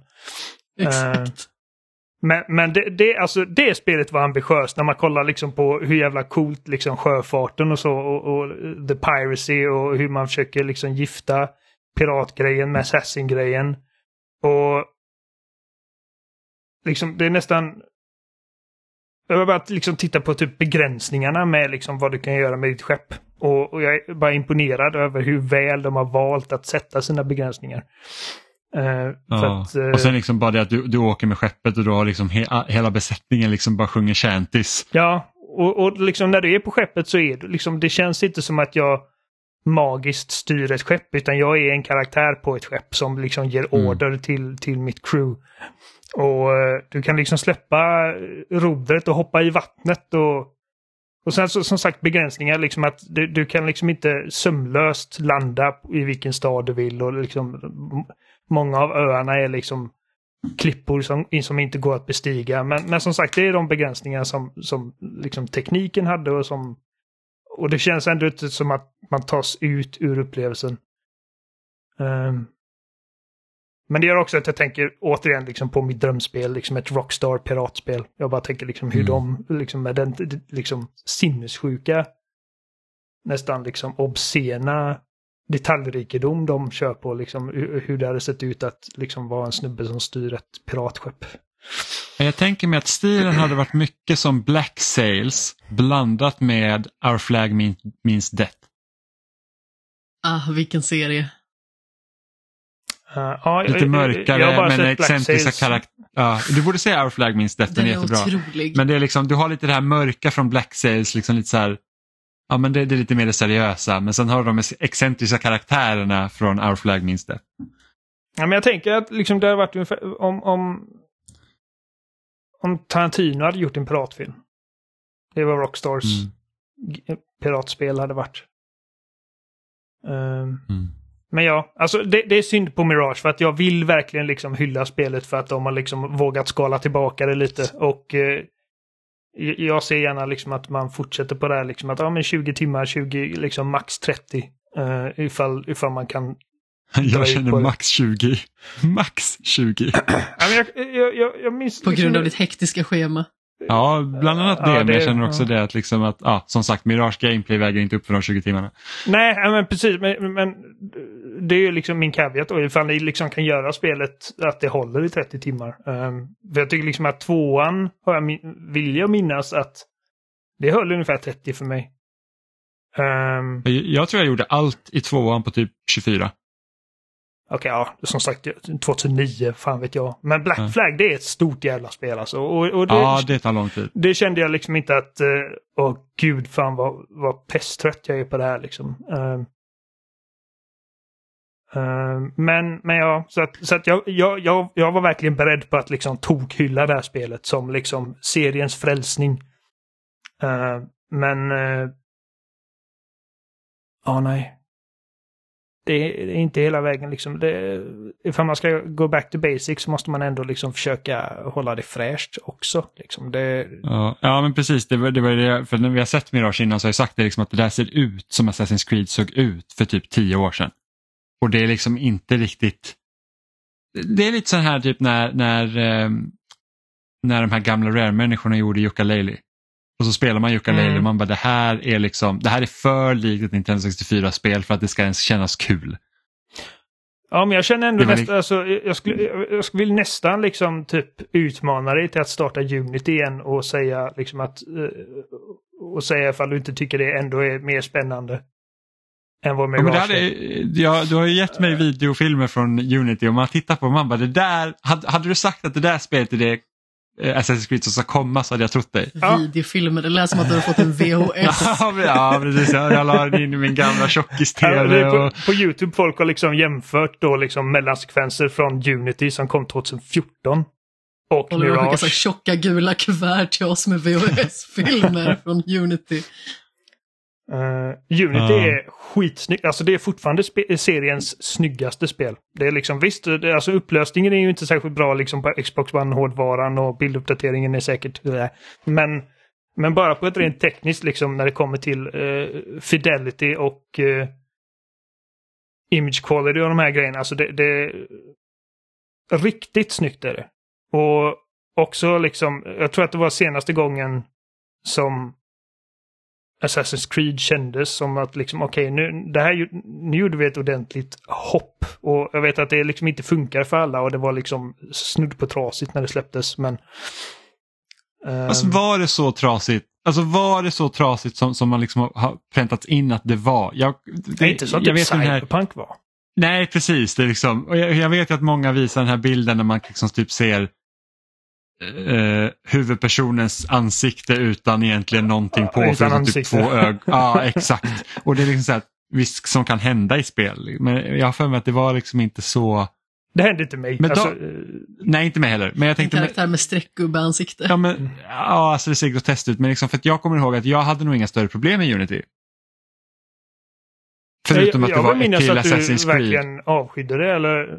Ja, alltså jag tyckte att det var liksom uddlöst. Alltså att det var liksom så att det här är bara mer Assassin's Creed. Jag hade hoppats på någonting annat och det är typ så här de här jäkla assassinations som man skulle kunna göra. Det var liksom så här, det var ganska enkelt att manipulera systemet och så var det precis som alltid liksom. Mm. Eh, och jag tyckte att huvudkaraktären var skittråkig och återigen så är det liksom en, en, en cliffhanger som inte som, som de inte tar tag i nästa spel utan det är någon tråkigt DLC man skulle spela och så kanske man fick reda på någonting och det är lite sådana grejer. Och just det att den mest intressanta karaktären var ju, nu minns inte jag vad hon hette, men det var liksom Elise. den, Elise, precis, som egentligen skulle ha varit huvudpersonen. Liksom alla de här intressanta kvinnliga karaktärerna som Ubisoft har skapat i sina spel har egentligen varit tänkt till att vara huvudpersonen men så sitter ledningen där uppe och är typ så här, nej vi, vi måste ha män. Bayeks fru var det mycket ty- coolare än Bayek. Ja, och hon ska ju vara huvudkaraktären. Ehm, I Syndicate, så är, enda anledningen till att de två är tvillingar det är för att de inte kunde ha en kvinna enbart i huvudrollen. Eh, vad var det mer nu då? Cassandra var ju tanken att vara huvudperson i, i, i Odyssey men då, fick det, då blev det så att nej, men du kan välja om vilket kön du vill vara. Jag funderar på om Och- de inte liksom medvetet regisserade den manliga karaktären att bara vara så fruktansvärt dålig i sitt röstskådespel. Att man bara, nu, nu måste ni Ja. välja kvinnan. Ja, för, för det roliga är för att när man startar Mirage då, då får du se den här liksom introvideon med så här 15 år med Assassin's Creed. Mm. Det är Cassandra man får se. Ja, det är klart. Det är liksom så att hon är ju huvudkaraktären och sen så vad var det, ja just det, och i, och i eh, Valhalla så är ju liksom huvudkaraktären heter Eivor.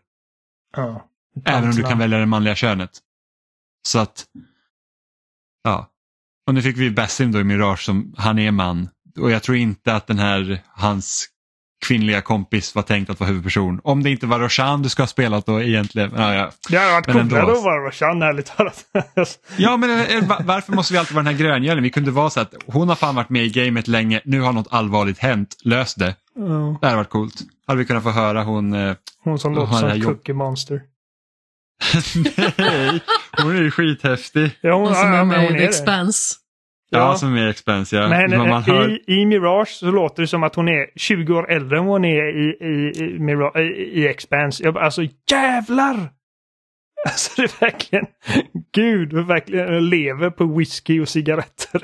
Nu ska vi se. Shore Agdashlu. Ja, Jag ska inte ha sagt det där rätt. Men i alla fall. Det är typ det hon heter. ja. Lex valsats. Hon Ja, är så- iransk eh. Ja, men hon, hon, hon är ju grym. Alltså, hon är absolut det bästa. Alltså hon är så bra i Expense. Mm, hon svär mycket också. Det Ja, ja. gillar vi. Nej, men hon, hon är bra. Eh, Inte hennes bästa verk i Mirage kanske, men... men Nej men så här, eh, hon är bra i Mirage, hon har inte så mycket att jobba med. Nej. För liksom, alltså, Men, Jag men, kan men, tänka mig man- man hade typ kunnat göra en grej där, typ, ja, men typ som i första Spiderman-spelet, eller ja, Insomniacs Spiderman-spel, där Mm. liksom så här typ att ja, men Dr. Ock är liksom mentorn och liksom man får verkligen se den här relationen växa fram med Peter. Liksom, sånt hade kunnat varit i Mirage, man hade kunnat verkligen knyta sig an till Roshan. Mm. Men nej. Ja, ja. Nej. Nej, men det, det, det är ändå någonting liksom.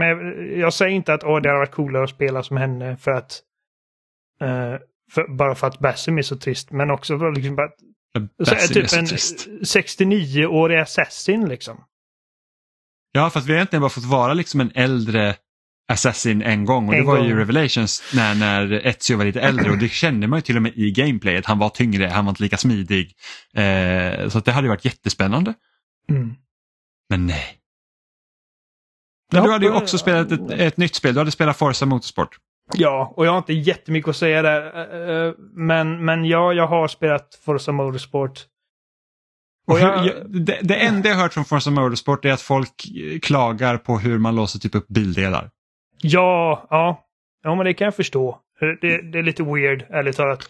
Ehm, så vi, Så hoppar in, vi hoppar in direkt på det då. Okej, så, så, ja, jag tänkte det ja, för att vi, jag vill bara höra negativa. Vi bara Microsoft suger, blä. Nej, men jag vill bara veta för att det är så att för det jag har kritiserat Forza Horizon för det är att det finns ju liksom ingen form av progression där längre. Du, du, liksom, du har hur mycket bilar som helst.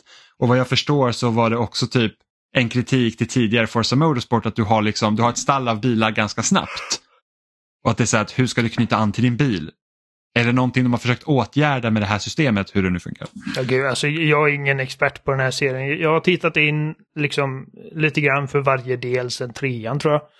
Och, eh, men jag har liksom aldrig fördjupat mig till den nivån att, att jag skulle kunna säga okej, det här är de stora skillnaderna mellan spelen. Um, det är ju sex år sedan det förra Motorsport-spelet kom, alltså uh, Forza Motorsport 7. Och vanligtvis var det liksom att det kom varannat år, så det kom ett eh, Horizon och sen ett Motorsport och sen ett Horizon och sen ett Motorsport. Så jag var ju nyfiken på, okej vad är det som har gjort att det här spelet har tagit sex år att utveckla? Och det är också till skillnad då från Gran Turismo 7 som jag antar är liksom den stora konkurrenten liksom. Eh, så är det liksom exklusivt för, för den här generationen av konsoler. Gran Turismo 7 fanns även, kunde man även spela på PS4. Och jag tänkte liksom, ah, okej, så, så hur har de liksom dragit nytta av detta då? Och jag har faktiskt ingen aning.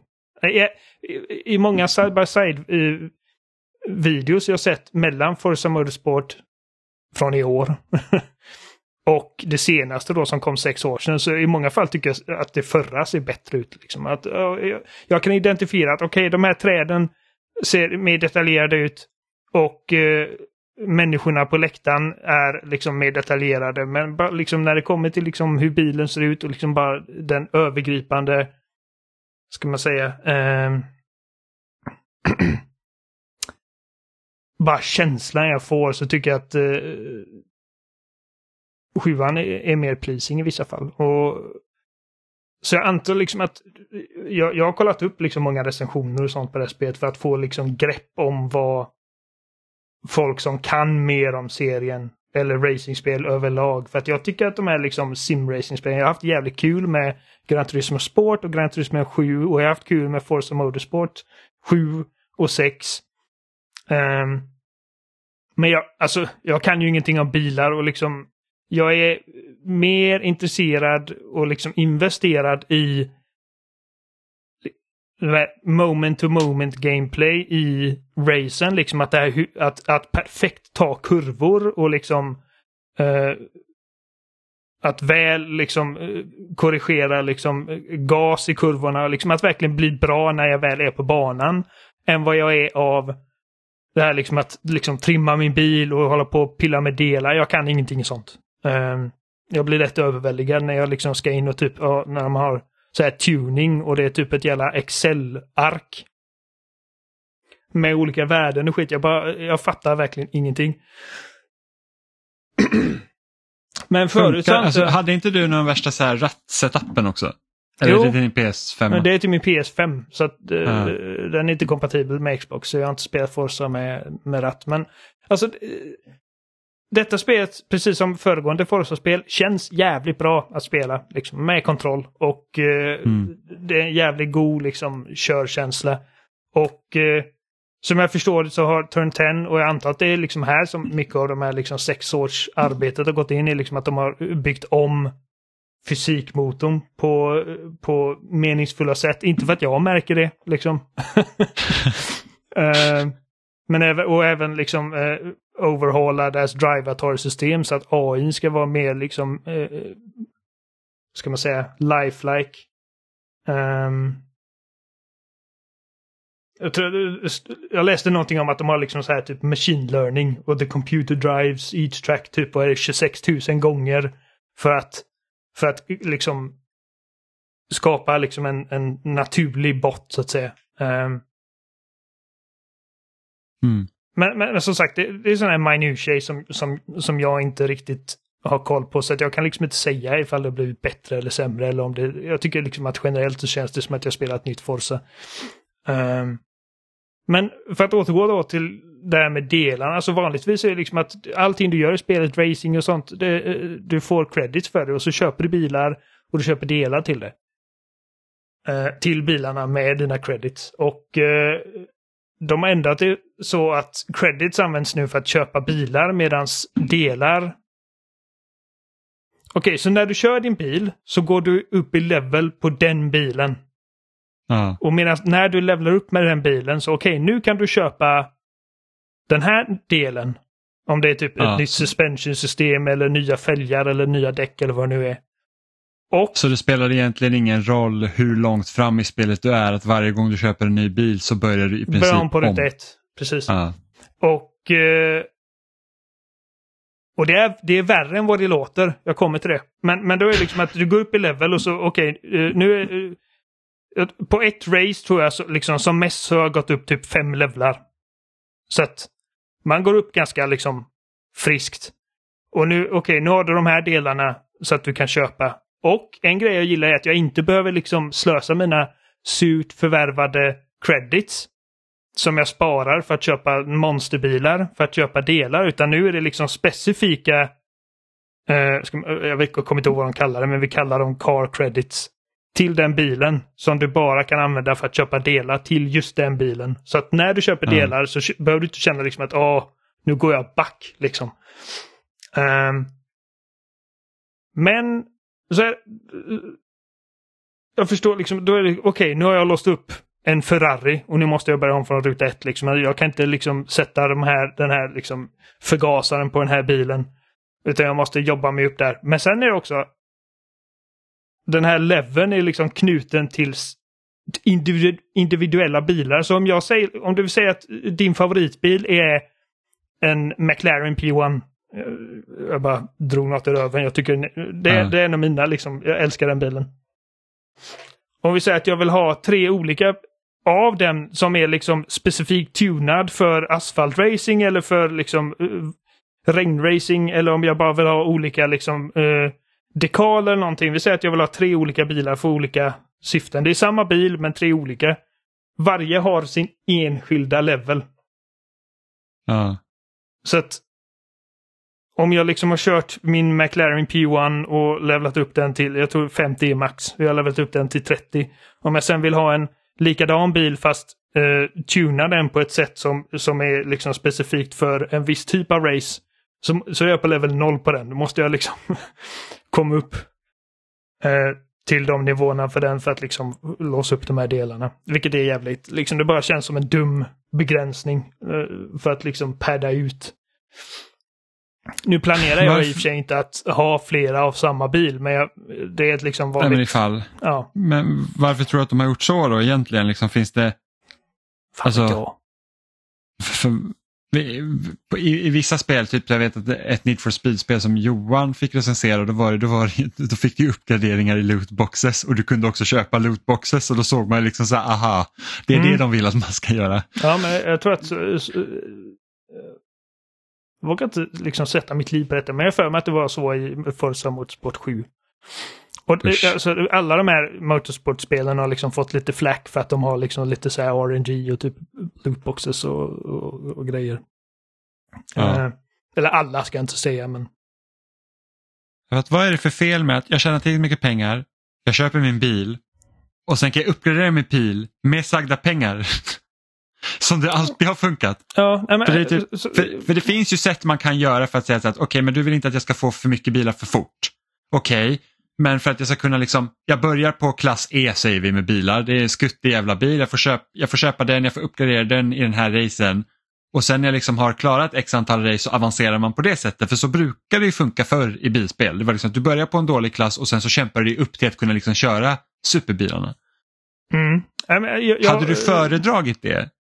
Jag, nej, jag, jag tror att jag, jag gillar som sagt att jag har en specifik valuta som bara är till för att köpa delar. Så att Mm. när jag köper delar och uppgraderar min bil för att liksom hålla en edge så känner jag liksom inte att ah fan nu går jag liksom eh, nu går jag back Ja, du, du hade kanske hellre velat köpa en bil. Precis, jag vill köpa bilar för dem. Och liksom, ofta så är det liksom eh, vissa bilar som jag siktar på eller vill spara in pengar till och då känns det liksom nedrigt för att, för att du kan liksom inte köra vilka bilar du vill från första början. Du måste liksom börja med typ en viss klass liksom i en viss kupp. Och jag var okej, så första kuppen jag kör är sådana hatchbacks, liksom så här riktiga mormorbilar liksom. Ehm, och jag tycker nästan liksom att eh, det är illa nog att jag måste lägga pengar på att köpa en bil för att kunna komma in i det här racet för att sen gå vidare till de kupper och de klasser som jag vill köra. Jag vill ju köra snabba bilar för helvete. Mm. Jag vill inte hålla på och sitta här i 120, jag vill sitta i 300. Uh, eh, så att det är liksom ett nödvändigt ont bara för att komma till de här uh, de roliga grejerna. Och så, så nu, liksom, nu går jag liksom 50 000 credits back för att köpa den här tantbilen. Och, uh, och sen så måste jag uppgradera den liksom. Ah, ah, nej, så att jag gillar att det finns en valuta specifikt för delar. För då, då kan jag liksom göra det utan att känna att jag liksom förlorar pengar på det. Och de har gjort det lätt också. Liksom, du kan ifall du vill välja specifika delar. Jag gör bara, jag trycker på X, auto, upgrade. Och så uppgraderar de dig liksom så mycket du har råd. Vid den punkten. Ehm. men jag alltså, det är kul. Jag, jag, ska, jag har inte testat multiplayer än. Jag vill göra det. Jag liksom Forza Motorsport är ökänt för att vara fullt av liksom rövhål som bara rammar en. Liksom att det är totalt kaos.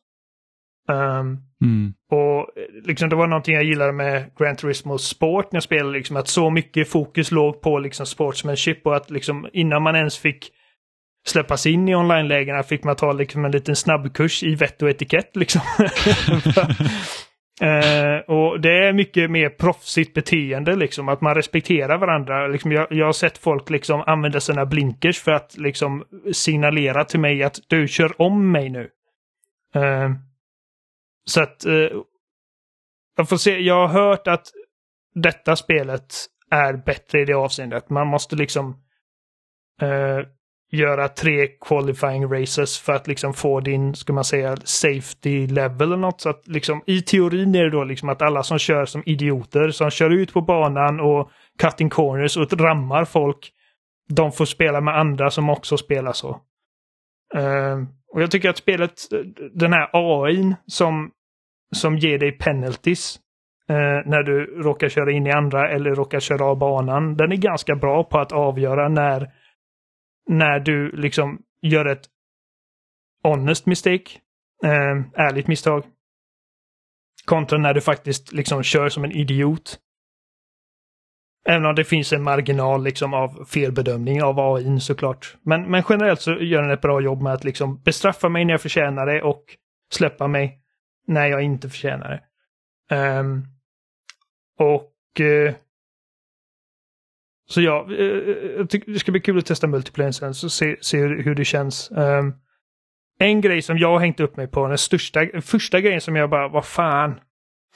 Det är att nu när du ska starta ett race i singleplayen alltså. Du kan inte starta Ja. racet direkt utan du måste hoppa in i practice. Och köra tre rundor, eller tre varv. Och nå en viss liksom en viss tid per varv. Eh, för att liksom släppas in i racet. Eh, och då för att spelet ska liksom avgöra baserat på den svårighetsgrad du har valt. Uh, ifall liksom, okej, du är bra nog för att liksom hoppa in i uh, the real world. Och varje race så köra tre varv innan man kommer in i racet. Och jag bara fan. Och först tänkte jag, okej, så detta fungerar som att liksom kvala. Liksom. Att, för att uh, i föregående spel så har jag alltid varit så irriterad. Var- Varför måste jag alltid börja längst bak i ledet här? Liksom, alltid 24 plats, liksom. Och här tänkte jag, okej, så den tid jag får på den här practice-rundan, det, det avgör liksom vart i starting griden jag hamnar. Men nej, Ja. jag får ändå välja liksom vart, nu får man välja vart man startar och så får du då bonuspengar ifall du du får mer pengar ifall du liksom kommer på topp tre ifall du börjar på plats 24 än om du börjar på plats 3. Liksom. Ja. Eh, och sen då märkte jag att okej, du kan skippa practice-rundan men du måste starta den och sen trycka quit. Och sen starta racet. Jag, jag hade mycket hellre liksom bara, varför kan jag inte bara liksom få välja direkt ifall jag vill hoppa in i practice eller köra racet direkt. Um, så att det, det- var liksom en, en pet peeve för mig. Uh, och eh, en annan, en annan grej jag kom på nu är liksom att uh, förut så har det varit att okej, du sätter dina assists. Så om du stänger av ABS, om du kör eh, manual med, med clutch, om du kör utan eh, liksom traction control och grejer så får du större payouts. Liksom. Det blir som en penga multiplier när du stänger Ja. av alla assists. Så är det inte längre. Ehm, utan du kan ha på varenda assist i världen utan att det liksom eh, påverkar dina payouts. Nu, nu handlar det liksom om starting griden. Vilket känns som en rimlig, eh, rimlig förändring. Men ja, eh, alltså. Jag finner mig själv liksom bara. Ja, jag har faktiskt jävligt kul att, att racea runt här och liksom trots att det är typ, jag, känner, jag har ju spelat Forza Motorsport 7 och 6 och Gran Turismo Sport och Gran Turismo 7 och de är ju baserade på riktiga banor så att alla de här spelen har ju samma banor så att jag känner igen banorna jag kör på så att det är liksom inte som när man får hem ett nytt spel och liksom allting är nytt. Det, det, allting är väldigt familiar liksom. Men jag har ändå kul och eh, jag kommer spela mer med det. Jag tror inte jag hade köpt det. Nej. Eh, men nu är det på Game Pass. Så, Ja. så, så, så stort racing-fan är jag inte. Men Nej, jag har inte spelat Forza Motorsport sedan trean. nej, är bra läge att hoppa in nu och liksom gratis på med din subscription. Eh, Jo, jag kommer nog inte spela Forza Motorsport. nej, nej. alltså, jag var sugen men det, det är för mycket andra spel just nu. Mm, För ja, att jag ska... Jag förstår. Jag menar, jag förväntar mig inte att spela mycket av detta liksom nästa vecka. När Spiderman och Mario kommer liksom. Utan det är liksom någonting jag kommer spela ett tag nu och sen kan jag tänka mig att återvända till det. För att det är bra med racingspel, liksom att jag kan, jag kan lägga ifrån mig ett racingspel i ett och ett halvt, två år och komma tillbaka och bara ah, plocka upp det liksom. För att det finns ingen Ja, story är som jag glömt bort. Det, liksom, jag, jag, det finns inga liksom invecklade inventory-system och lära mig och skit som i Cyberpunk. Liksom. Det är bara... eh, Det här är ett spel som jag kan liksom återvända till fram och tillbaka i åratal. Och jag antar liksom att eftersom att detta inte är Forza Motorsport 8 utan liksom att det är, det är bara Forza Motorsport. Så jag antar liksom att det här är liksom deras typ live service-grej. Att den kommer utvecklas med tiden och att liksom detta är plattformen för den serien. Eh, ja, jag har ju märkt det när man liksom ser typ folk prata om spel som har med den här live service-vinkeln. När liksom folk säger typ att ah, men det här spelet har inte tillräckligt mycket att göra just nu. Så bara, nej men det är lugnt för det kommer utvecklas inom flera år. Och man säger bara, men jag vill ju spela nu. Jag vill Mm. inte vänta typ tre år tills liksom så att nu kanske det är klart. Nej, nej. Och så skiter sig det och, det, ja, Nej, och så blir det ingenting. Jag förstår. I just det här fallet känner jag liksom att det finns material här för liksom ett Ja. racingspel. Liksom, eh, de här banorna du älskar och känner till. Nürburgring finns där. Du har 500 bilar. Jag vet liksom alltså... eh, det finns liksom material här för att hålla dig underhållen liksom länge ifall du är liksom ett racingfan. Eh, men, men jag tänker liksom att jag, tror mer att det handlar om att jag tror inte att vi kommer få se ett nytt Forza Motorsport om två år igen. Liksom. Nej. Nej, Okej, jag fattar. Men, eh, ja, men kul att få en liten uppdatering om Forza. Mm. Jag tror inte jag kommer prata så mycket om detta igen, men... ehm, Jo då, varje vecka nu tills du har kört alla race. Hur kändes Volvo S40, Mm. Oliver? Veckans Forza-uppdatering. min hundkoja, Ja, precis. Opel. Men, men klockan tickar på här och det har blivit dags för quiz. Alltså, vi slipper- Quiz. Eftersom vi, eftersom vi skippade förra veckan eftersom Amanda svek oss. Vadå Nej, det var, det var jag som... Ni valde en tid när jag inte kunde. Ah, skyll på oss bara. Varför var du inte tillgänglig? Eh, Eh, inställningen. Uh, ska vi se. Amanda ja, 10. Oliver som gör supersvåra frågor. Ja, fast han vet att vi inte kan knappa in. så- ja, Alltså, som sagt, det var inte min intention, men, men nu tycker Vad jag... heter Mogadishus Amandas var fan huvudstad inte i det här spelet? förra gången heller, kan jag säga. Nej. Eh, Jag kan säga att mina är nog de klurigaste hittills okej. den här veckan. Ja, nej. Nice. Ja, men Amanda, du har 10, Jimmy har 11, jag har 14. Eh, Adam har 4 och Johan har 1. Riggat. Ja. Ja, men, så här, mina kan man fortfarande gissa sig till. I många fall. Ja, får vi se. Ja. Ehm, Okej, men jag börjar direkt med Ja. fråga nummer ett. Ehm, I spelet Outer Wilds så får man eh, åka runt med sitt rymdskepp eh, i ett solsystem. Hur många planeter kan man besöka? Är det så här luring plan- liksom att det finns en måne Nej, och bara nej, det är ingen nej, planet. Planeter, inte himlakroppar nu. Jag hade Jaha. hoppats att du skulle fråga hur lång tid är den här spelloopen? Jaha, okej. Ja, nej, det här var många 20 planeter. Eh, 22. 22 ja, till och med. Okej, ja, så att med asteroiderna räknas inte. nej, och inte typ satelliter och sånt, utan det är planeterna och det finns x antal stora planeter. Okej. Eh, Solen är ingen planet. Nej, nej, det är en stjärna. För att jag såg det var någon sida som hade räknat med solen. Tack och jag för bara, informationen. Nej, men jag, alltså, jag såg på en sida, var det, då var det någon som hade räknat med solen för att man, ah, okej man kan inte landa på solen men det finns en, en, en eh, Man ligger rätt brun till om man försöker landa på ja, solen. men det, är fan, det, det var fan ändå det mest alltså, otroliga jag gjort i det spelet. Det finns en satellit som går runt solen och försöka tajma upp den med gravitationen, ah, det var fan inte lätt alltså. Ja, men ja. Eh, jag gissar fem.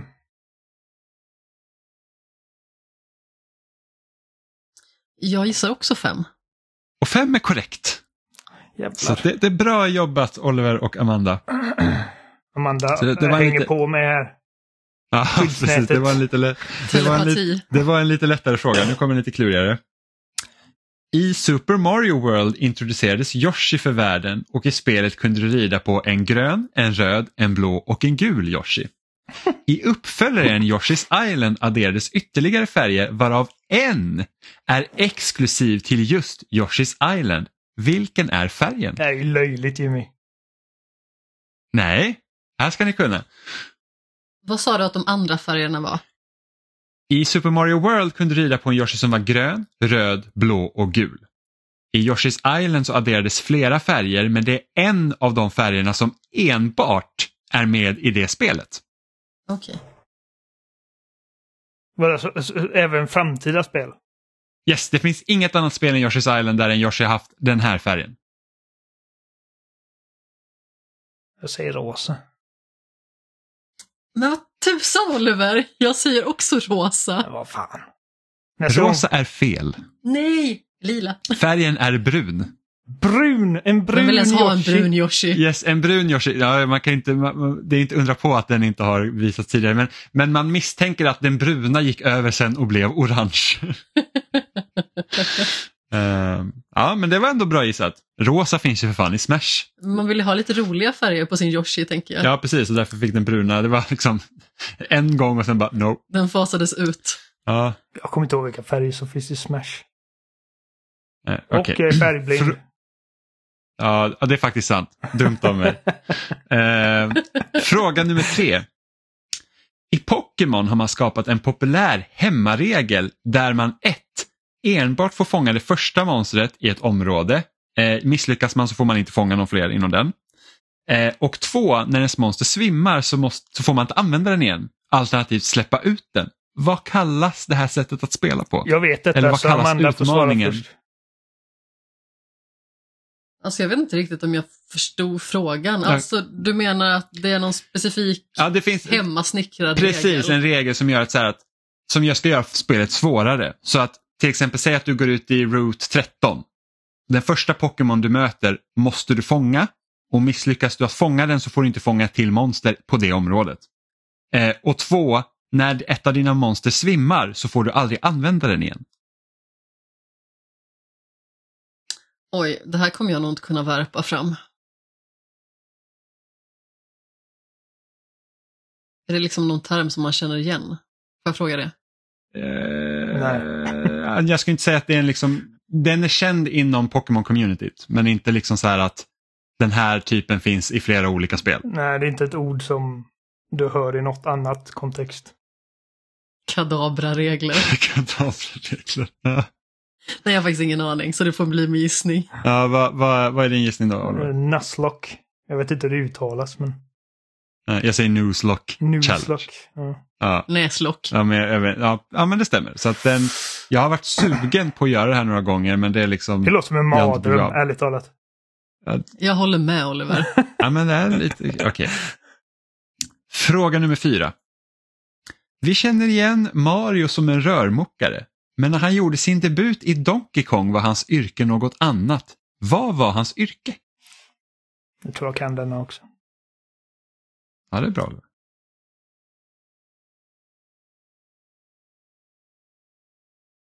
Det blir så obekväm tystnad igen när inte jag vet vad jag ska svara. Det kände honom som en rörmokare.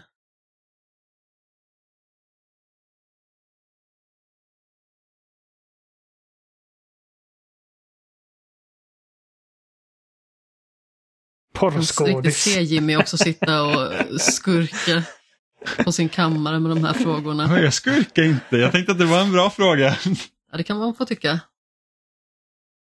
Oj, alltså. Jag tänker att han kanske får hålla sig till typ något form av hantverkaryrke, så jag säger snickare. Ja, ja, men det är rätt svar. Och snickare är rätt. Är det rätt? ja, det är rätt. Du, sa- Och va- du var äh, äh, tur för mig att jag sa ja, det är rätt svar och du bara snickare är rätt svar. Jag har inte sagt mitt svar än. Nej, men jag antog att du sa snickare. För att du sa ja. Du sa ja när Amanda sa snickare. Ja, jo, ja. Mm. Han, Ja, fast Oliver hade faktiskt behövt säga sitt svar. Ja, jag vet. men, Jag vet. eh, Ja, men han visste det. han springer väl runt Eh, med jag, jag hammare litar på och, att Oliver eh, visste. Ja. Det, det, ro, det roligaste var att anledningen till att han var snickare i Donkey Kong är för att utspela sig på liksom en, en, en byggnadsplats. Ja, precis. eh, och, och anledningen till att han blev rörmokare i eh, Super Mario Brothers var för att mycket av spelet utspelar sig i underjorden. Och man hoppar i rör och... Bro, bro, bro. Ja. Precis. Eh, Jag får ändå ge frågan. rätt Jimmy. Det är jävligt weird frågor du har, men de går faktiskt att gissa sig fram till. Ja, precis. det alltså, det. menar, mina Eh, frågor är liksom... eh, Det är typ... Det kanske är så här liksom, större procent av gamerbefolkningen kanske hade kunnat vetat mina grejer än, vad din, än dina grejer, men mina hade man inte kunnat gissa sig fram på. Så det är... Men den där är nog så här Pokémon-frågan, för att den är så nischad ja, så den går till Ja, att det sig. måste man veta. Nej, men jag tänkte Nej. Jag att... hade aldrig kunnat gissa Ja, men det. jag tänkte att du kanske har hört någon sån här typ retroresa när de pratar om Pokémon och sen... Ja. Eh, Nej, de pratade inte om Pokémon förrän de gjorde ett återtåg typ 2016, Ja, se, 2017. då fanns den här challengen på plats. Eh, fråga nummer fem. Den här är inte den svåraste. Eh, I Portal får vi stifta bekantskap med roboten och AIn GLaDOS som jäckar protagonisten genom hela spelet. Vad heter karaktären man styr? Den kan jag också. Jävlar. Kjell. Ja. Med CH. Svarar du, Svarar du ja Oliver? Så det, så det är fel. Kjelle. Kjell med CH. Eh, ja, det är Kjell, det stämmer. Ja men det är klart, alltså jag gör ju lättast frågor måste jag ändå säga. Ja, Det är riktigt, går ju riktigt bra för er. Jag bara, det här, det här är mina lättaste frågor och så är det de svåraste och Jimmy säger det här är mina kl- klurigaste och det var faktiskt de rimligaste. Men jag tycker att de här var lite kluriga. Jag hade inte kunnat Mario vara snickare. Eh, jag hade inte kunnat gissa Yoshi-färgen. Jag hade ju inte kunnat det liksom om jag inte hade fått mer betänketid. För det var liksom bara någon form av så här, ja, okej, men det känns ju liksom inte direkt som att Mario var så här fotomodell eller Nej. Jag hade, tänkt, arkitekt. jag hade tänkt så här, är du full eller? Han har alltid varit rörmokare. det är rätt svar. Precis. Kuggfråga är jag ja, ja. hög för er. Ja, precis. Eh, ja, men det gick ju bra för er. Jag gör för snälla frågor helt enkelt. Jag tyckte att det var ganska så lagom. Ja, vad ska jag hitta på till nästa gång? nej. Den, den här pixeln i den här affischen i Prey, vilken färg? Vilket spel. Ja, precis. Ja. Vår kompis Sebastian, vad brukar han säga när vi spelar Battlefield? Bakifrån. Jag hittade dem. ja, Jag dog. ja, det var väldigt roligt. Eh, ja, men eh, ja, det gick ju bra för er. Ja, Amanda gick upp till 13 och jag gick upp till 18. Ja. Jag ligger sist. Jag kommer inte vinna det här. Fick jag alla? Nej, jag, Jag kommer en. definitivt inte vinna. Nej, du missade en va? Yoshi, ja. Du missade den bruna. ja. Ja. Annars Olivers favoritfärg. Påminner honom om det viktigaste i Jag tror de, livet. de andra Yoshi-färgerna i... För jag, jag tänkte egentligen sätta fråga två, typ så här, vilka var, vilka var de nya Yoshi-färgerna i Yoshi Island 2? Då hade det typ varit, det var rosa, lila, Ja, det brun då. Eh, och sen var det någon till. Ja, jag tänkte det också, det var roligare att gissa på den bruna. Och så fick eh, folk lite, lite lära sig Ja, någonting historielektioner. nytt. Precis. Jag nästa gång sen nu så, jag har skrivit en fråga och den handlar om Alan Wake så läs på. Det handlar om Alan Wake. Han kommer garanterat ha läst på fel saker. Ja, det, det blir som det här, eh, det var ju något program på SVT som var frågesport. Som kör provet. Som det var frågesport mellan liksom skol, alltså som gick i högstadiet liksom, och så fick de ett ämne till varje vecka att läsa på sig på. Och sen fick de hoppas liksom att de kunde svara på frågorna de fick. Mm. Jag hade en kompis som var med i den. nämligen. Eh, Ja, men eh, det var allt för den här veckan helt enkelt. Eh, Quizet är som sagt vårt avslutande segment. Jag hoppas att ni fick många poäng om ni håller koll. Eh, ni hittar oss som vanligt på spesnat.com och där finns också länkar till alla ställen vi finns som Spotify, Apple Podcast, RSS-flöden, YouTube, Facebook, Instagram och Twitter. Eh, ni kan också mejla till oss på kontaktetspesnat.com eller byta ut kontakt mot några av våra spel. Några av våra spel, några, några förnamn. Jag vet inte ens vad jag ska säga längre. Byt ut kontakt i mejlet till något av våra förnamn spesnat.com så kan ni komma till kontakt direkt med någon av oss. Eh, vi släpps varje onsdag och så gå in på loading.se och kommentera där också. Vi släpper Ja, oss varje onsdag. ja, ni slipper oss varje onsdag. Nej, men vi släpps varje onsdag. Så vi vet såklart ni som lyssnar, men jag tänkte ni nya lyssnare som kommer. Vi får eh, några sådana varje vecka, så det är kul. Eh, hör av er så hörs vi igen nästa vecka. Hej då! Puss i. Hej då!